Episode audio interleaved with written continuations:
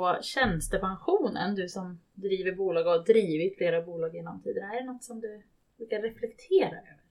Ja, alltså jag har faktiskt aldrig liksom, i och med att jag nu har haft ganska unga företag så har jag inte, men jag hade ett företag som jag sen liksom bara haft lite så sidointäkter via. Så det har mer varit att bygga tillgångar i dem eh, snarare än att liksom spara till pensionen. Eh, så att jag har investerat och så vidare genom bolaget. Så det är ju ett sätt att pensionsspara också kan man säga. Men jag tycker absolut att det är viktigt och något som jag vill ta med mig också som företagare gentemot liksom anställda även i ett tidigt skede. Så är det vet jag att det är många bolag i den liksom, tiden som, som jag är eh, med sitt företag inte tänker på de frågorna utan kanske har optioner för att få ägande i bolaget och så vidare till de de anställer som ett sätt att bygga värde. Men att det är viktigt att tänka på väldigt, eh, väldigt fort och säkra de anställdas framtida inkomst. Mm, precis. Och vi fortsätter ju nu våran pensionsskola som vi har tillsammans med, med SEB. Och idag ska vi lyfta just eh, frågan kring tjänstepension och ja, vi har ju massor av eh, entreprenörer som, som lyssnar på vår podd. Och jag vet att det är många entreprenörer som lyfter, eh, lyssnar och det är också många investerare som lyssnar. Och jag tänker att eh, det kan vara bra perspektiv för bägge att veta, eh, kanske när ni löneförhandlar med en arbetsgivare exempelvis, ungefär vad man kan förvänta sig och vilka krav du kan ställa. Eh, så att vi eh, eh djupdyker lite i det här ämnet. Fredrik, du jobbar ju med att säkerställa att man har rätt bra, härliga erbjudanden till de som eh, behöver pensionsspara. Eller säkra annan typ av ja, men inkomstbortfall. Om man skulle bli sjuk exempelvis, vilket jag tror jättefå personer ens tänker på. Fredrik, välkommen till Feminvestpodden. Tack, tack så mycket. Ja, jag tycker vi börjar med, med liksom basfrågan här. Vad är tjänstepension? Ja, vad är tjänstepension? Man kan säga att det är ju, eh, jag vet att Susanne har varit här tidigare och pratat om basen eh, som kommer från det allmänna. Ovanpå den lägger vi då tjänstepensionssparandet, eh, främst om man tittar på sparandedelarna och sen så kommer eh, ditt egna sparande på toppen. Men tjänstepensionen i sig det är någonting som eh, vi har som anställda i de allra, allra flesta fall ska jag säga. Alltså inte alla företag erbjuder sina anställda en tjänstepensionslösning. Eh, däremot så är det oerhört viktigt att man som anställd påtalar att man skulle vilja ha det i sin anställning för att man ska få en, en eh, bra lön efter det att du slutar, eller en framtidslön som vi säger, en pension helt enkelt efter det att du slutar arbeta. Så att du bygger upp ett kapital som tryggar din framtid även eh, när du har slutat arbeta. Ja, kan man säga ungefär hur många det är som, som faktiskt har en tjänstepension? De, de allra, allra flesta har det i dagsläget i sina anställningar. Eh, eller i sitt egenföretagande så har man skapat sig en tjänstepensionslösning och den, eh, vi ser väl att någonstans kanske 80-90% av de förvärvsarbetande har det. Eh, så att det är ganska hög andel. Men fortfarande finns det vissa företag som inte har den lösningen för sina, sina anställda. Men vad tror du är liksom det vanligaste, de vanligaste tankarna eller om varför man inte har av de här ja, 10-20 procenten? Men många gånger är det väl kanske företagen i sig som arbetsgivaren som inte lägger upp den som en del. För det är klart att det är en, en kostnad för företagen att spara åt sina anställda som blir en betungande del för företaget. Men många gånger så är det väldigt viktigt att ha den på plats för att du ska attrahera rätt personal till dig som, som företagare. Eh, och vi ser att eh, historiskt sett har man sagt att många unga kanske inte pratar om det, inte tänker på det här med pensionen. Men numera så ser vi faktiskt att många unga attraktiva möjliga medarbetare för företagen faktiskt frågar om det här, ställer frågor om det på sina anställningsintervjuer och ställer krav på sina arbetsgivare att de faktiskt får en, en tillräckligt bra tjänstepensionslösning. Jag tyckte det var lite spännande när du berättade det för oss innan vi började spela in. Vad, vad är det liksom, vad har hänt? Varför, mm. varför frågar de här unga människorna om det nu för tiden? Och liksom, varför gjorde man inte det förut? Men jag tror det, det kommer mer till livs i dels i deras utbildning att man pratar om det här på, på skolorna eh, Eh, i universitetsmiljön. Eh, men, men sen tror jag också att man ser eh, i ett längre perspektiv vad det ska göra. Hur, hur planerar jag mitt liv? Och även efter jag slutar arbeta, hur ska jag då få råd? För menar någonstans, vi har mer tid och vi vill kanske fortfarande hitta på massa saker. Man har sin bucket list, man vill göra massa saker, utresa eller vad det kan vara. Och då kostar det pengar. Och har man då bara det allmänna så vet vi att det är någonstans 50-60% kanske inklusive en eventuell tjänstepension. Så att det är ju en del av det men sen behöver du kompensera med eget sparande. Så att det är en viktig fråga även för unga i dagsläget.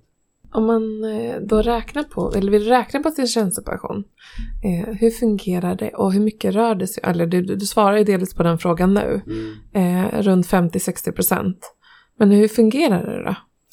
Men det, det, innebär att man som företag sätter upp en tjänstepensionslösning för sina anställda och i den så har vi dels ett sparande såklart, pensionen. Det, det är en del av det och eh, där brukar man prata om 4,5% upp till eh, en viss grundlön på eh, ja, runt eh, 600 000 om året. Då. Eh, så där upp till de eh, nivåerna får du 4,5% av din, eh, din lön avsatt till pension. Därutöver så brukar man prata om 30% som man eh, adderar från, eh, i form av pensionsavsättning. Till det så kommer dels vårdförsäkringar, dels sjukförsäkringar eh, och också det vi kallar för premiebefrielse. Det vill säga att skulle du inte kunna betala in din dina avsättningar om du skulle bli lång, långvarigt sjuk så kan man försäkra sig mot det så att försäkringsbolaget går in och fortsätter betala avsättningar till din pension. Om vi säger att jag då skulle välja att jobba deltid till exempel under en, en längre period eh, av mitt liksom, egna val. Hur, eh, hur påverkas eh, tjänstepensionen då? Det innebär ju i sin tur att du får en lägre lön från din arbetsgivare och då minskar naturligtvis också själva avsättningen till pensionen. Eh, så det ska man ju tänka på. Att då i det läget behöva kompensera för eget sparande. Eller tillsammans med sin övriga familj, att man kan fördela det på ett bra sätt i familjen. Eh, en annan fråga, om man, eh, om man inte är anställd i ett företag, alltså man kan ju ha typ ett aktiebolag eller så som man liksom har intäkter på, men man är inte anställd, kan man ta ut pension från det då? Absolut, du kan som egenföretagare starta upp en, en tjänstepensionslösning för dig eller dina, din eh, delägarkretsen eller eh, de som driver företaget Eh, där kan du starta en tjänstepensionslösning precis som du kan göra för dina anställda och sätta av. Och där, där brukar vi säga att många, Eh, många företagare tänker just på kostnaderna på att inte sätta av så mycket initialt eh, för att de vill driva upp företaget och få igång det. Däremot så är det viktigt att när man går från en anställning till att bli egenföretagare då tappar du ofta hela den delen och du vill förmodligen ha minst lika bra ekonomiskt leverne när du blir äldre, när du är egenföretagare som att du hade varit anställd. Vilket innebär att den är en väldigt viktig fråga för dig som, eh, som egenföretagare att ta tag i. Mm, det var ett jättebra tips. Men om, om jag är egenföretagare och skulle bli sjuk till exempel, hur, hur ska jag tänka då? Hur funkar det? Har du inte någon form av sjukförsäkring så kan du eh, vara långvarigt sjuk utan att komma till eh, läkare, till eh, operation kanske eller liknande. Och många gånger så är det du, om man är relativt få i bolaget, att då är du väldigt viktig för bolaget både marknadsmässigt men också rent produktivt förmodligen. Vilket innebär att eh, företaget kanske inte ens kan vara kvar om du är långvarigt sjuk. Så därför är det viktigt att förse sig med rätt försäkringar så att du kommer till sjukvård, du kommer till vårdinrättningar så att du kan snabbare komma tillbaka på banan och faktiskt vara produktiv för ditt företag, skapa värden där. Ja, jag vet en bekant vars, alltså mannen i familjen krockade med en buss mm. på motorcykel i våras. Det är en sån situation exempelvis där man, man, man tänker inte att det ska hända mm. när det här värsta tillfället sker. Men vid en sådan situation så kan ju inte han, han hade inget eget företag vad jag vet utan var, var snarare anställd. Eh, men vad händer då de där liksom, månaderna efter? kan man säga, liksom utifrån ett ekonomiskt perspektiv? Har man, får man försäkring med en gång eller? Nej, det är ju karens på det. Så att de första tre månaderna då är det ju inte eh, företaget eh, via försäkringen som betalar utan då får du från det allmänna. Sen efter tre månaders eh, karens då kickar försäkringen in och betalar din sjuklön. Mm, om man då har ett företag med den här försäkringen. Ja, mm. Men om man då tittar på liksom en, från ett arbetsgivarperspektiv och det dels kanske attraherar de här yngre talangerna som nu är liksom medvetna och eh, mm. pratar om de här frågorna men också eh, liksom, vad är konkurrenskraftigt? Ja, du ska minst ligga på det som man brukar säga kollektivavtalade eh, uppläggen och det är de här procentsatserna jag sa tidigare. Men sen kan du som företag välja att vi sätter av mer. Vi kanske sätter av 6% upp till de här 600 000 i, i årlig lön och därutöver kanske du har ännu mer på olika nivåer. Så att eh, du kan alltid konkurrera med att eh, sätta av ännu mer till dina, eh, till dina anställda. Och det är ganska vanligt eh, i, i välpresterande bolag att man faktiskt gör sådana lösningar som går ut, alltså går beyond det som är på kollektivavtalet. Mm, så om man tittar på till exempel eh, så här, börsnoterade bolag och vd, de har ofta en, en mycket mer förmånlig Ja, eh, avsättning än så. precis. Det är inte Mm. bara basen utan där, där kliver man utanför det och eh, höjer upp det. Absolut. Men 4,5 procent är liksom en, en eh, bas kan Ja. man säga. Det brukar man, minst det ska man ha. Fredrik, har du någon liksom, fråga som vi, du tycker vi har missat att ställa här kring tjänstepensionen så att alla verkligen kan maxa det nu efter det här poddavsnittet? Nej, men jag, jag, framförallt så tänker jag utifrån ett företagande perspektiv men även då som anställd så det är viktigt att du faktiskt har det här eh, på plats. Eh, sen finns det ju eh, utöver det som vi har pratat om så finns det ju den löneväxlingsmöjligheten som företaget då sluter ett avtal med oss som försäkringsbolag och säger att det är okej att eh, de här personerna får lov att löneväxla. Vilket innebär att då tar man av sin bruttolön och sätter av till, eh, till en, en försäkrings, en pensionslösning. Vilket innebär att du i sin din tur inte skattar för dem som inkomst där och då men sen får du skatta för när du tar ut det såklart som en vanlig pensionsförsäkring. Så på, på ett ungefär, hur mycket kostar det en per månad då att löneväxla och hur mycket tjänar man? Typ? Man kan väl säga att summan som du ska löneväxla får du välja själv. Eh, däremot så eh, för att det ska vara lönt att löneväxla så är det de här 8,7 inkomstbasbeloppet som vi pratar om. Det vill säga att ungefär 600 000 bör du tjäna eller mer för att det ska vara eh, lönt att löneväxla. För det handlar om eh, marginalskatten och liknande. Däremot så är det så att man ska också vara noga med så att om du löneväxlar så att du inte kommer efter löneväxling under den gränsen. För då påverkar det andra sjukförsäkringar, föräldraförsäkringar i det sociala eller i det allmänna som kan påverka. Så att eh, man ska hålla sig ovanför den gränsen eh, efter sin löneväxling. Så att det, det är värt att tänka på. Framförallt också när vi ser som inför 2023 nu så ökar inkomstbasbeloppet rätt kraftigt. Vilket innebär att de, det finns en del som har löneväxlat som kanske nu helt plötsligt ligger under den gränsen. Och annars så kanske man får, om man inte då kommit upp i de här procenten, så kan man ju faktiskt titta på att bara spara eh, liksom en större andel i antingen privat eller då som företagare i genom någon form av tjänstepension. Absolut, absolut. Det är viktigt att kompensera. Nu tror jag att våra lyssnare har fått med sig ett och annat och, och kolla på. Eh, kolla igenom sin pension. Har jag tjänstepension? Prata med sin chef. Eller när man ska byta jobb. Se till så att, så att ni får det. Och som företagare också, var också beredd på att det värsta kan hända och titta över vilka möjligheter som passar dig där. Tack snälla Fredrik för att du kom idag och du ska komma tillbaka om ett par veckor också och prata lite om hur man maximerar sin pension. Det bästa till sist. Tack snälla.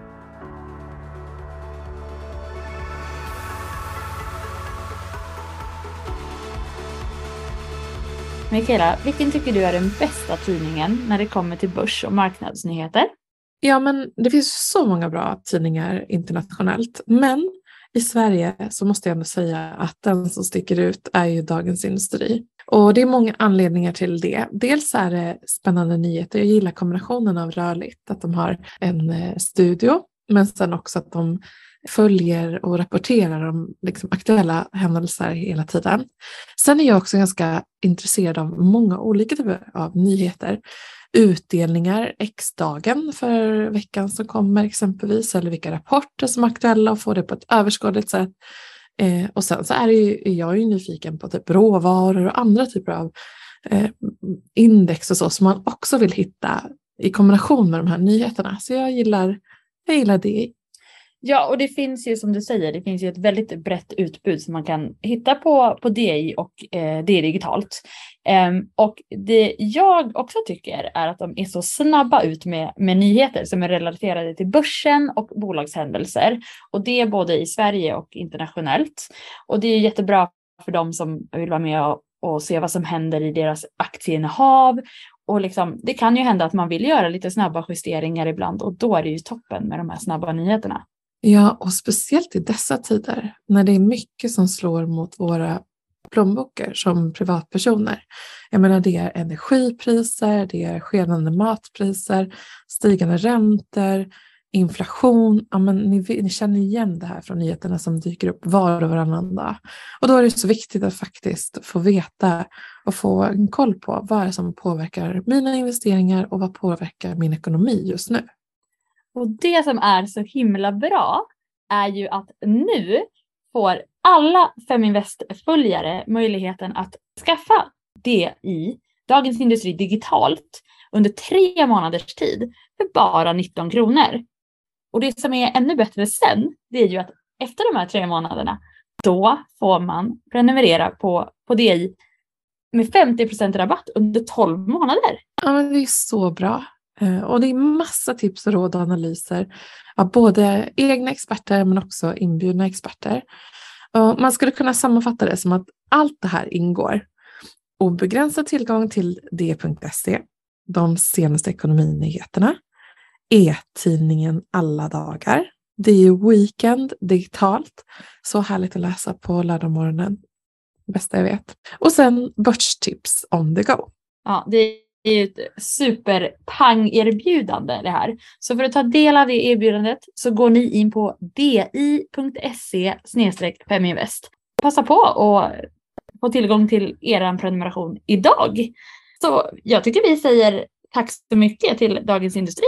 Ja, men tack för att ni levererar nyheter och för det här erbjudandet.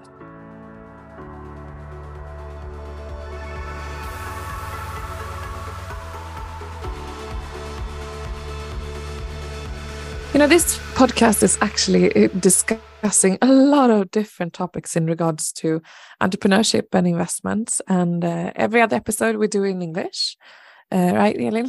yeah. Yeah, and it's very interesting also. So now we have found a, an interesting company actually a, a bit like far from Sweden actually, but they are also close in in one way.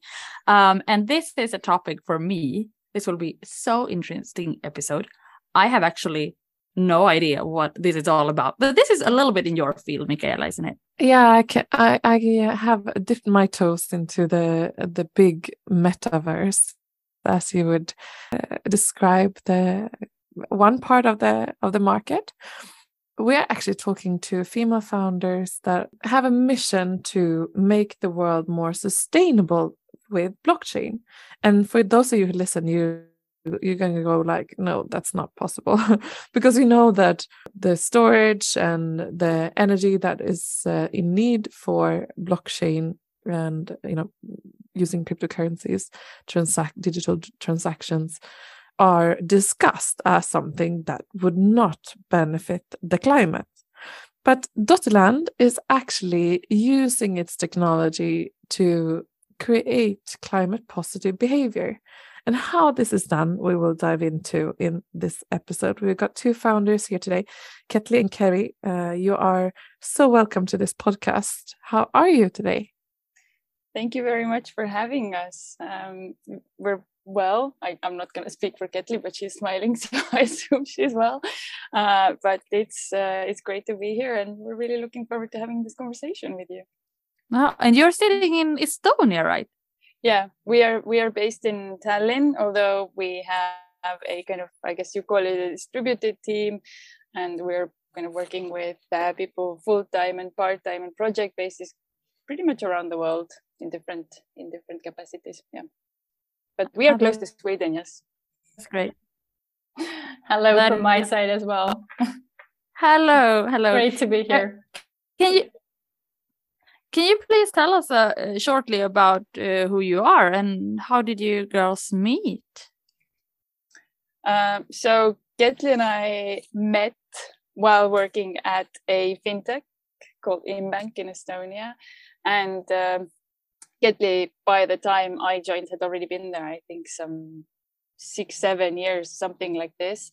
Um, I moved back to Estonia from London, and and this was actually my my first adult job in Estonia after starting my career in London. Uh, and pretty much since day one, Ketli and I somehow ended up working together on a lot of projects at Inbank, focused on on uh, different uh, consumer finance products. And uh, long story short, through our own different journeys, we kind of reached this uh, wall where we realized uh, what we were doing day to day was essentially encouraging uh, consumers to buy more and consume more and you know as you as we had both uh, quite recently before that become uh, mothers uh, you start inevitably start asking these questions is what I'm doing actually leaving behind a better world world for my children? Uh, is it contributing in a positive way? Uh, is my energy and knowledge put into something that is is creating something greater than me? And um, I think we separately and together reached that reached that understanding that no, we were just we were actually not in any way helping uh, solve some of the biggest crises of our time. So ultimately, we made the decisions to leave behind these uh, lucrative careers uh, and uh, see how we can uh, apply our knowledge and skills about consumer financing to actually achieve the opposite and to convince consumers to kind of act in a more climate positive way. I definitely want to learn how one can utilize uh, blockchain technology to to incentivize in this way. But before we do that, uh, we've had an episode before, at least, where we discussed blockchain. Uh, but it was a long time ago. And I think that a lot of our listeners don't really understand the market fit of the technology. Um, they might even think about currencies uh, and speculation in regards to that, as we are talking a lot about what's happening in the investment um, industry.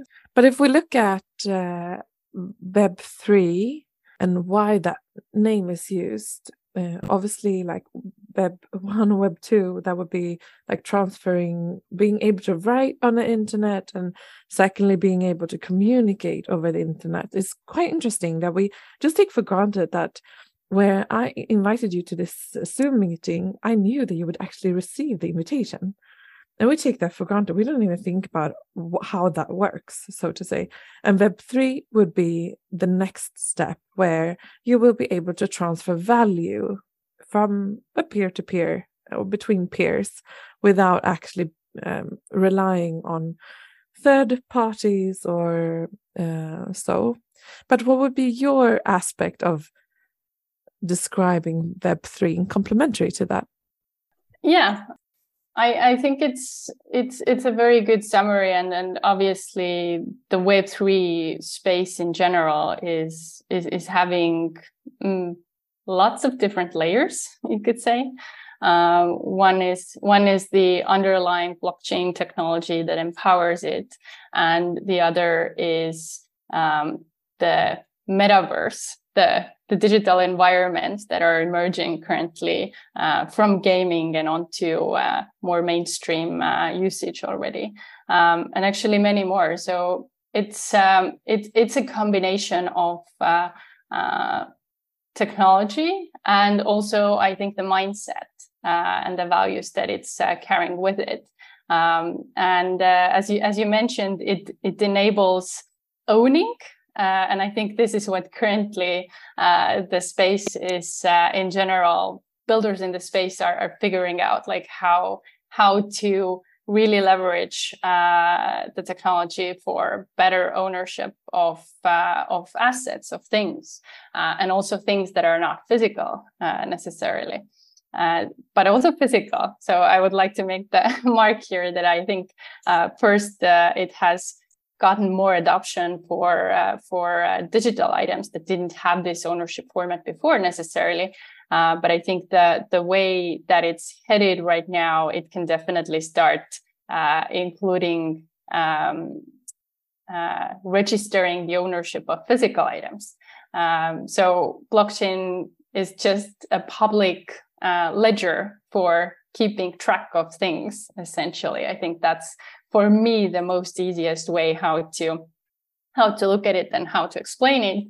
And and now the question is how can we leverage the existence of such a public uh, verified uh, bookkeeping essentially uh, to have more efficient ownership of things uh, without needing to use the third parties. Uh, so I, I think it's in in general there are interesting use cases already, uh, but at the same time, uh, I also see that uh, it's uh, currently still being figured out how all of that could be implemented into our everyday lives. A lot of the ownership of NFTs, for example, it's it's very much related to like being inside the Web3 space and and knowing what an NFT is and and and, and seeing the value of, of the digital art.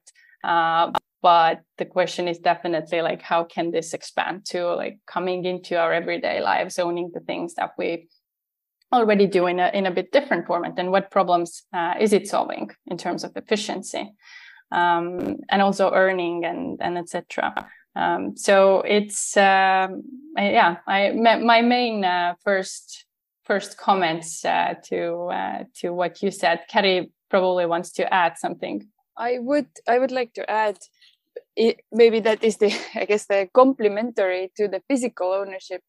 Um, what it enables, I think, for the first time in history, also, which hasn't been kind of possible before and and for those listening in who are not that familiar with blockchain or web3 that is probably quite a big chunk to chew on and i'm not going to go too much into it uh, but it it enables ownership of our own behavior and this is incredibly important because this comes down to our behavior today in web 2 and social media uh, the choices we make. Today we are not benefiting from the choices liking following any kind of elements that make up a social graph essentially.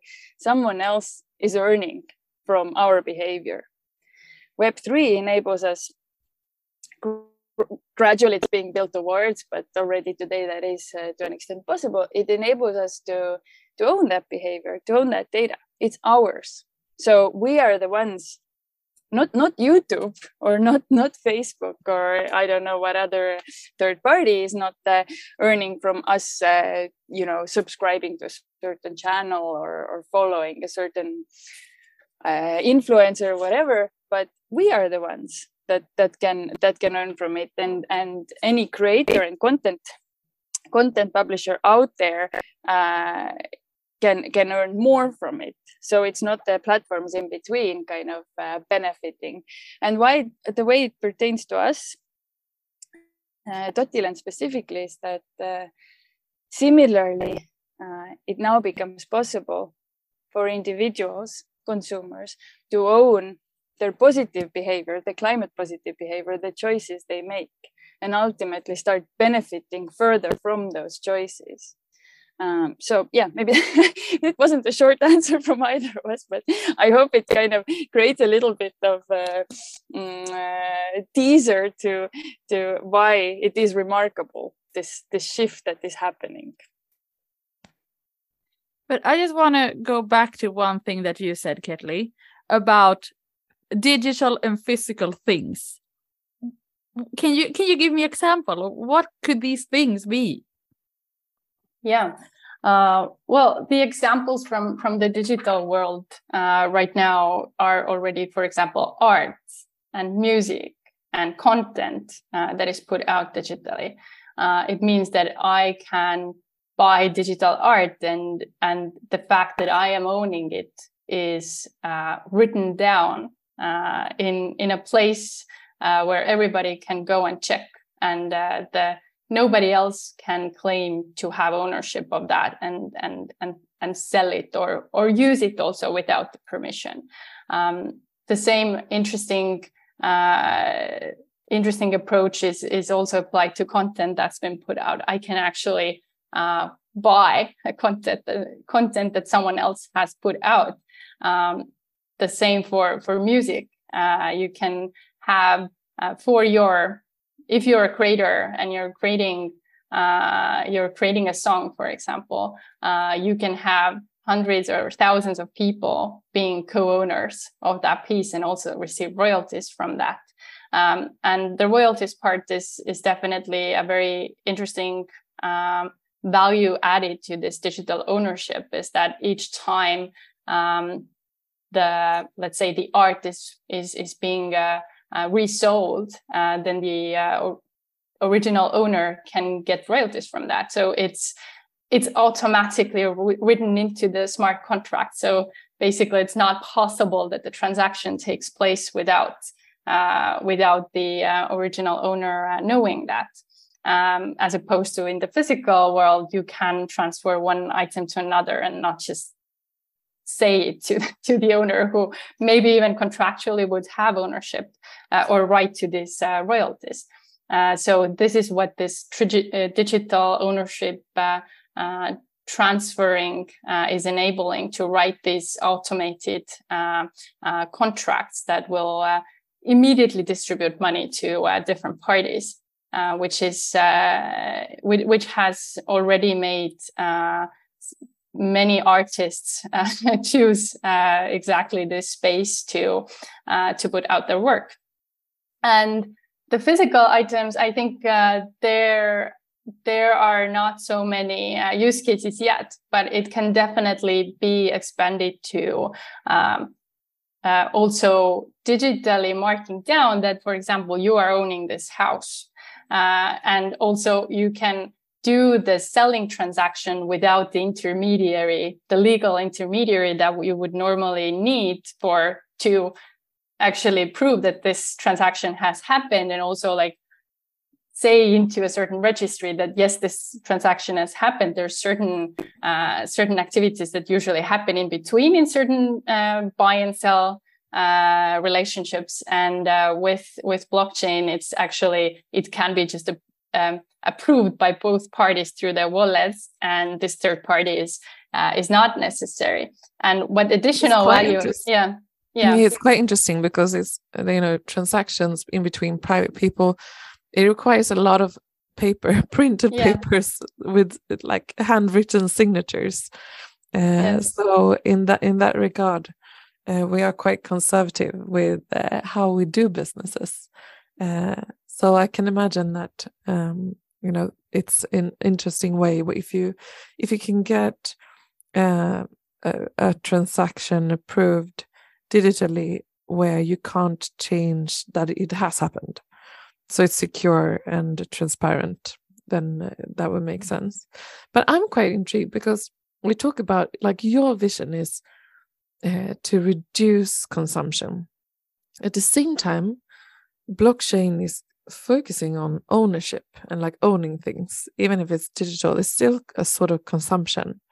Um, how do you uh, incentivize and you know make sure that people buy less via blockchain, and how do you measure it afterwards? If it, it we can call it impact. Um, Kelly, yeah, yeah, yeah I'll, I'll, start. I'm sure Ketli will want to add uh, some bits here, but um, today, maybe just a bit of background then. Today, we have made a decision, a strategic decision, um, to start from from tracking, from taking into consideration kind of climate positive behavior um, that is easily trackable on chain already. Uh, and we are starting with carbon offsets on chain. The reason we we made that decision was uh, uh, well, it was a very tech-based and, and quick, quick uh, to prove decision. Uh, how can we kind of prove the feasibility of our solution as quickly as possible? Um, but uh, the next steps and longer term, indeed, we are also planning on uh, taking into consideration off-chain behavior and other data input sources, and some of that includes uh, then purchase transactions, for example uh, aka dollars to carbon. This is one way of measuring it. Uh, and our approach to this is uh, looking at trends. Uh, this is you. Some could claim that uh, it's a relatively simplified approach, but it's somewhere to start with, given that it's never literally been done before, and there is no right or wrong way. Uh, we will be looking at trends of behavioral change aka buying more buying less uh, frequency amount etc so ultimately this will be the starting point of uh, tracking re- re- reduction in purchase and consumption. But uh, we are uh, expanding also uh, let's call it this way. We are expanding the knowledge input uh, involving different data scientists involving uh, environmentalists etc Ketli and i by no means are the experts in all of that data. Uh, we our our expertise is first and foremost in uh, consumer behavior and uh, how to incentivize consumers. And so we i would say this is at the end of the day we always come back to this yeah, because i'm i'm thinking there is a lot of like different things to to track right? And how do you one choose between all of these different which markers to track? Yeah uh, it's it's a very good question and something we definitely uh, battle with every single day. Yeah. uh, we made those decisions as, as i said uh, these first first decisions based on what is the available data uh, that is proved and in a way standardized already. And the voluntary carbon market uh, is is something that is um, relatively well packaged already. There are certain standards it the imp- impact is a bit more transparent already of that market etc and uh, so for us it made sense to start from there. But while we are doing this even even in the very short time that we have been doing this it's already it's incredible what is happening around us. I mean uh, uh, the plastics side of things is being tracked uh, more and more and I, i'm pretty sure very soon it will be something pretty easy to take into consideration. Uh, we are also actively looking at renewable energy uh, credits and how those can be incorporated so individuals uh, producing solar energy and putting that back into grids anywhere like how can they be brought on board? There's so many you're right there's so many aspects and at the end of the day we had to make a choice of okay which communities are going to be like easiest and fastest for us to onboard so we can get going uh, from a you know extremely early stage startup point of view. And uh, where, where do we start with versus where do we want to end up at and we even battled um, well not battle but it was a long discussion about like do we start from kind of inside web 3 or do we start from web 2 right um, because onboarding people from Web 2 or 2.5 into Web 3 is a very time consuming and costly activity on its own. So we made the decision we cannot afford to be, for example, today yet onboarding people. We cannot be the ones educating them about Web 3. So we cannot be building a solution for today for people that are only in Web 2. We are going to start by building a solution for people that are already onboarded into Web 3 and then slowly we're gonna as as time passes and more and more people come into web3 or become familiar we are also expanding and growing towards them. But it's it's these are all strategic decisions you know and no who's to say what's right or wrong? We're taking we're making our own bets and uh, whatever seems logical to us uh, at that moment. I totally jumped the topic now i feel. Sorry. No but i think you know i would be you know wanting you to define even more like the, the actual use case and uh, what could be the potential use case so if i would be like yes i want to i want to contribute i want to make um, i want to contribute to a pos- more sustainable world reduce my consumption how do i jump on board and what do i do uh, Ketli? yeah um, well, the starting point is is easy. Uh, you come and you connect your wallet, and basically we will um, ask for certain permissions in what kind of data you allow us to track. Uh, and based on based on that, uh, you are able to uh, start owning your impact self, as we call uh, this, uh, uh, as we call this impact as part of identity.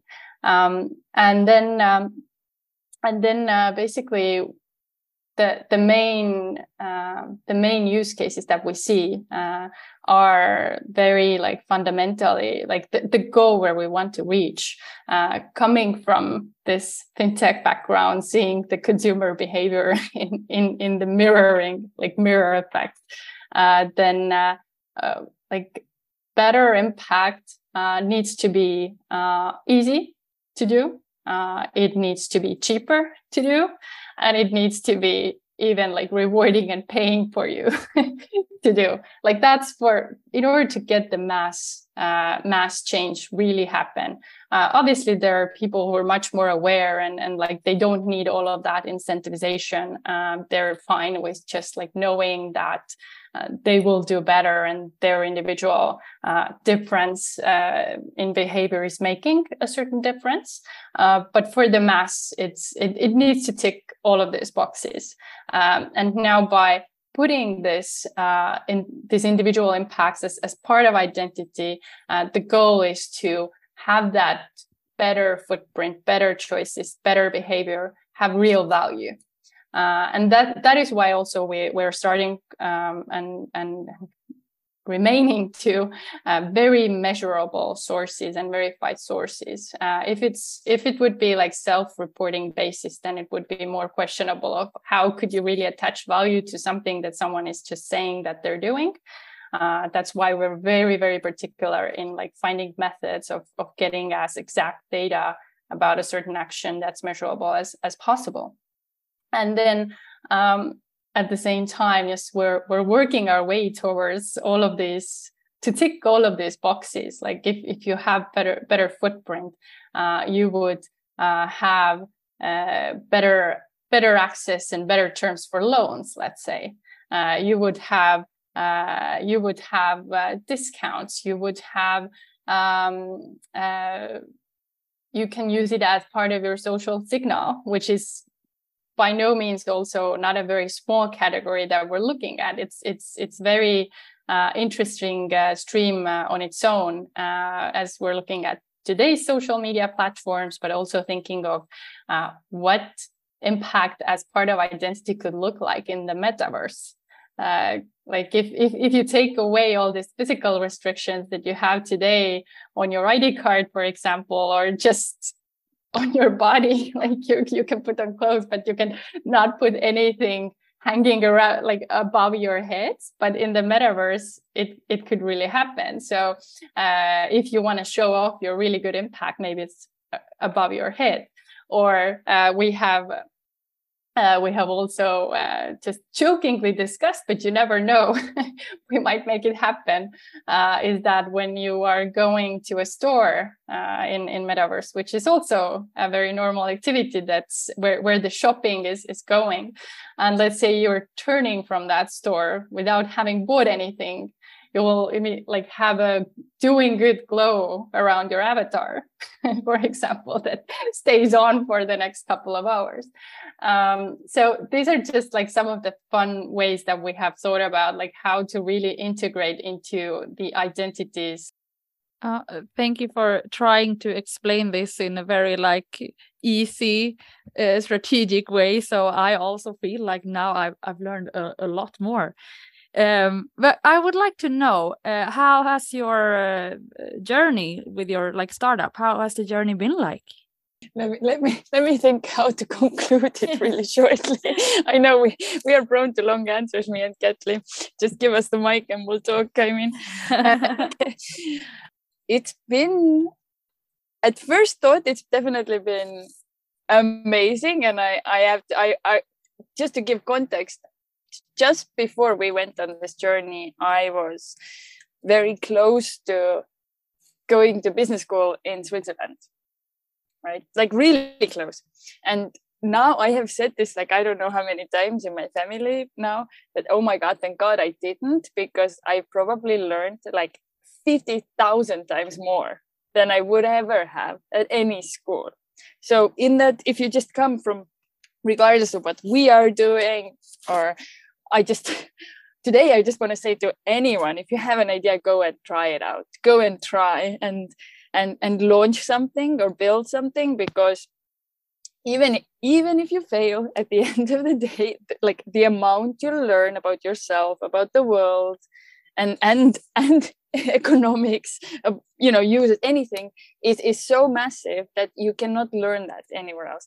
But from for us i think it's been yeah so on the one hand huge learning journey uh, but the other side the, the side that's been harder definitely is digging into what does the core solution need to be.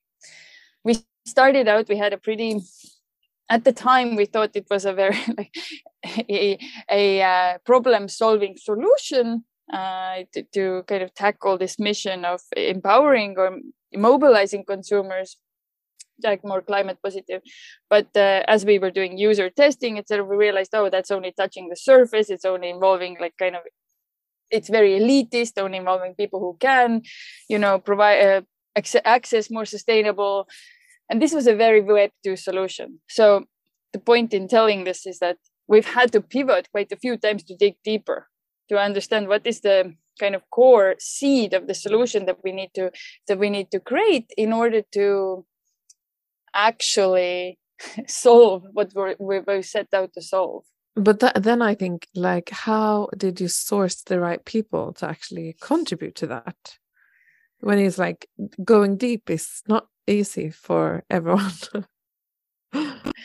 Um, it's i would say that going deep definitely has first and foremost been on mine and Ketli's shoulders. Uh, we we were before we started recording this podcast uh, we were joking like it is like having a baby uh, figuring out what your core like seed solution is and and this is before figuring out what the tech behind it is what the what the what the architecture of it is but over the over this period we've had people you know join in consultancy kind of capacity city, join full time, uh, and anything in between. And some people have uh, uh, stayed with us. With some, you know, they, they were there for a certain period of time, and it was uh, it was uh, collaborative and uh, yielded results. And then, you know, as we moved, that that period kind of ended. So it's been, if we just look from a founder perspective, I think the team having a team with you while you are searching and pivoting and and kind of digging and and it, it it's freaking stressful at the same time right? Yeah. because you're just you are just like oh crap like are we on the right are we on the right track? Like your gut knows but you haven't yet proved it on on the spreadsheet like but this you, must be quite tough on the relationship between the two of you as well. Like how do you maintain sane and together. I don't know, Ketli, do you want to comment or shall I keep commenting? um, well, we have a very, so we've noticed that we have a pattern. I don't know if I'm like oversharing now, by the way, but we have a pattern that uh, about every three or four months we kind of like accumulate tension. Like we are we start misunderstanding each other or or there is a it's a, like it's a very human thing to happen I, I believe if you spend a lot of time together right? But you're not we're not married to each other. We, we have like our own partners and not yet. Not yet yeah. I don't know what the rest of the world thinks but we're not. Um but uh, so we pretty much every three to four months we do this like pretty deep check-in a brutal honesty check-in. And it is very hard. I don't know how many people uh, ca- can actually do it. And i would not be able to do it with i don't think any other like founder partner. Uh, this is how we also know that we are kind of meant to be co-founders uh, to kind of it's it's it's a it's a naked honesty in a way and where you have to kind of peel back to okay why am i feeling these feelings? Is it like my own i don't know is it some insecurity in me or is it something else? And uh, to actually well identify it and share it with your co-founder and then you know go back to business as usual.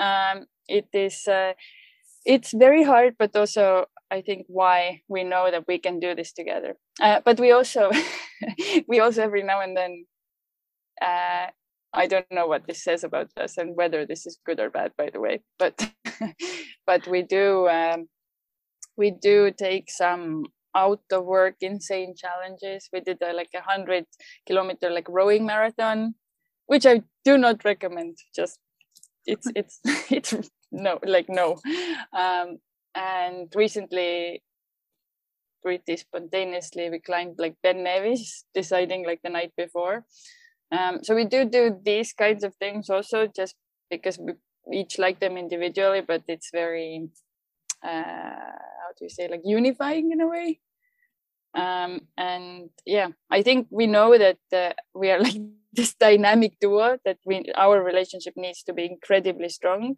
for any of this vision to materialize uh, and and ultimately from us not just to get from zero to one, but from one to 100 also. Uh, so yeah, brutal honesty and about ourselves and about our kind of founder relationship, and then yeah, some weird sports choices. Super exciting. I adore your vision and also the adventure you are on in terms of jumping into a completely new industry like how can we utilize this it must be a way uh, and taking that and running with it and sometimes climbing with it it seems and i also want to know how do we become a part of your space as we launch now we will be launching a uh, a closed beta for in the next two weeks uh, to kind of work with a, a, close group of testers. If you already are a uh, Web3 wallet owner or, or are willing to become one, uh, then uh, please please DM us. I think the easiest way is on Twitter. We are dottyland underscore xyz. We always respond to those messages. This is not uh, we don't consider Twitter DM as spam. Uh, we do a lot of communication through there. So if you're interested in becoming part of the beta tester group, please DM us. Uh, if you don't really feel like becoming a beta tester group, then do follow us on Twitter. Uh, there will be more announcements uh, in the next couple of months about the wider launch. Thank you so much, girls, and best of luck. We share on you, and uh, uh, thank you for being part of the conversation in our podcast. Thank you. Thank you for having us. Yeah, thank you so much. Anytime.